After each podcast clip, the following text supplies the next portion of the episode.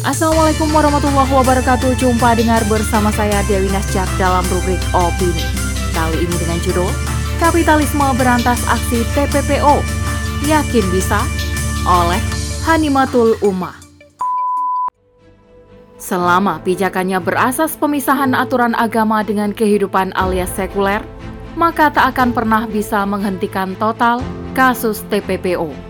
Jikapun dapat mengeliminasi masalah human trafficking ini, namun nyatanya masih menyisakan berbagai persoalan, seperti meningkatnya kemiskinan dan pengangguran.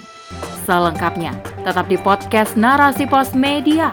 Narasi Pos, cerdas dalam literasi media, bijak menangkap peristiwa kunci. Aksi TPPO alias tindak pidana perdagangan orang masih saja marak belakangan ini. Untuk menindaklanjuti dan menegakkan hukum kasus ini, Kapolri membentuk Satgas TPPO pada awal Juni 2023. Pungki Indarti, selaku anggota Kompolnas alias Komisi Kepolisian Nasional, berkata pemberantasan TPPO menjadi cepat dan efektif sejak ada Satgas. Sebab, terbentuk mulai dari tingkat baris krim hingga seluruh Polda dan jajarannya. Sebanyak 314 kasus diterima oleh Satgas TPPO dan 414 ditetapkan sebagai tersangka. Semua itu hanya dalam kurun waktu 11 hari, yakni 5 hingga 15 Juni. Ini berarti lebih cepat dibanding penanganan kasus TPPO yang dilakukan oleh Ditip Bidum alias Direktorat Tindak Pidana Umum, Bares Krim Polri, dan jajarannya yang memakan waktu selama kurang lebih tiga tahun. Modus yang dilakukan TPPO antara lain sebagai PRT alias pembantu rumah tangga, PMI alias pekerja migran Indonesia, ABK alias anak buah kapal, PSK alias pekerja seks komersial, tak jarang pula perdagangan anak di bawah umur. Pesatnya kemajuan teknologi informasi, komunikasi, serta digitalisasi menjadikan pintu keluar negeri semakin mudah. Begitu pula masuknya pekerja asing ke Indonesia – Terbatasnya pengetahuan masyarakat sangat berpengaruh terhadap adanya praktek human trafficking.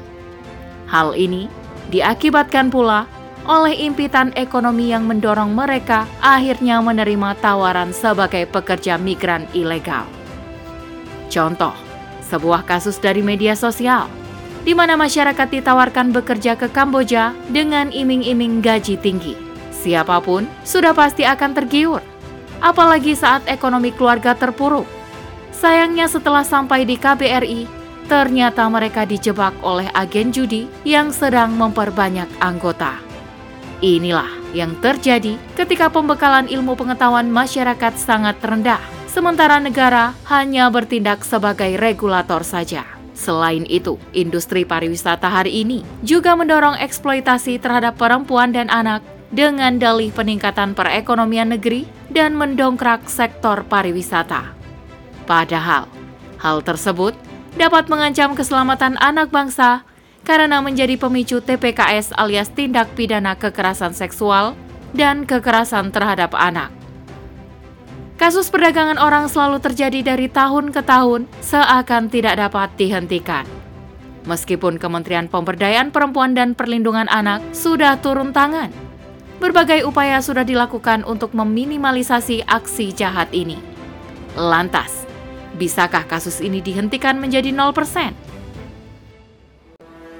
Peliknya persoalan aksi kriminalitas di negeri ini tak luput dari penerapan sistem kapitalisme sekuler yang telah lama menjangkiti masyarakat ini. Lagi-lagi, masalah impitan ekonomi, kemiskinan akut, serta pengangguran kian bertambah seiring PHK di mana-mana. Pun, kualitas pendidikan hari ini tidak mampu memfilter dan memperbaiki tingkah laku kaum milenial.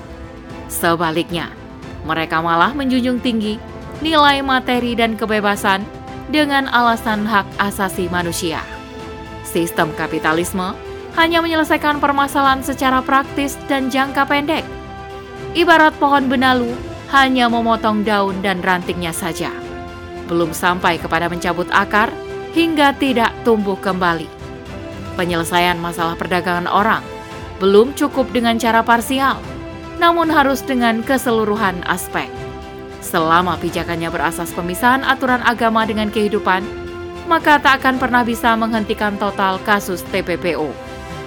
Jikapun dapat mengeliminasi masalah human trafficking ini, namun nyatanya masih menyisakan berbagai persoalan seperti meningkatnya kemiskinan dan pengangguran. Islam menerapkan politik ekonomi yang dapat menjamin kebutuhan primer tiap individu. Sebab, pada dasarnya, kemiskinan merupakan akibat dari tidak terjaminnya kebutuhan dasar seperti pangan, sandang, papan, pendidikan, kesehatan, dan keamanan. Dalam Islam, negara wajib memenuhi kebutuhan tersebut. Selain itu, negara harus menyediakan lapangan kerja seluas-luasnya dengan posisinya sebagai negara industri, Khilafah juga akan mewujudkan iklim usaha yang kondusif bagi masyarakat. Sistem kepemilikan dalam Islam dibagi menjadi tiga, yaitu kepemilikan individu, kepemilikan umum, dan kepemilikan negara. Berkaitan dengan kepemilikan umum seperti hutan, tambang, laut, gunung, dan lain-lain, akan dikelola oleh negara untuk kesejahteraan rakyat. Kepemilikan umum ini haram dikuasai oleh swasta ataupun asing. Karena inilah penyebab ketimpangan ekonomi dan kesengsaraan rakyat. Sedangkan kepemilikan negara dikelola oleh negara untuk keperluan negara, seperti gaji pegawai, membiayai kemiliteran dan persenjataan, dan lain-lain. Sehingga kedaulatan negara dapat terjaga dan bukan di bawah tekanan negara lain seperti dalam sistem kapitalis hari ini. Dalam Islam, kas negara akan disimpan di Baitul Mal sebagai sumber pemasukan negara. Ketika jumlah kas negara minim atau kosong, maka negara memungut doribah atau pajak secara situasional. Pungutan ini juga hanya berlaku bagi orang kaya saja. Negara juga akan menjaga keamanan dan keimanan rakyatnya, termasuk melindungi kaum wanita dan anak-anak sehingga setiap ibu akan fokus pada pengurusan rumah tangga. Dengan demikian, lahirlah generasi terbaik yang berasal dari ibu dan keluarga yang senantiasa beriman dan bertakwa. Dengan terwujudnya kondisi ini, maka akan tertutup pula berbagai celah kemaksiatan. Kemiskinan teratasi, hingga kesempatan aksi TPPO bisa dihilangkan. Semua ini hanya bisa terjadi dengan penerapan khilafah Islamiyah. Pemimpin dalam Islam akan bertanggung jawab penuh terhadap rakyatnya. Sebab pemimpin atau khalifah merupakan amanah yang akan dimintai pertanggungjawaban di akhirat. Sabda Rasulullah, tak ada seorang penguasa yang memerintah kaum muslim lalu ia mati dalam keadaan menipu rakyat kecuali Allah mengharamkan syurga baginya. Hadis riwayat Bukhari Muslim. Wallahu a'lam bisawab. Demikian rubrik opini kali ini. Sampai bertemu di rubrik opini selanjutnya.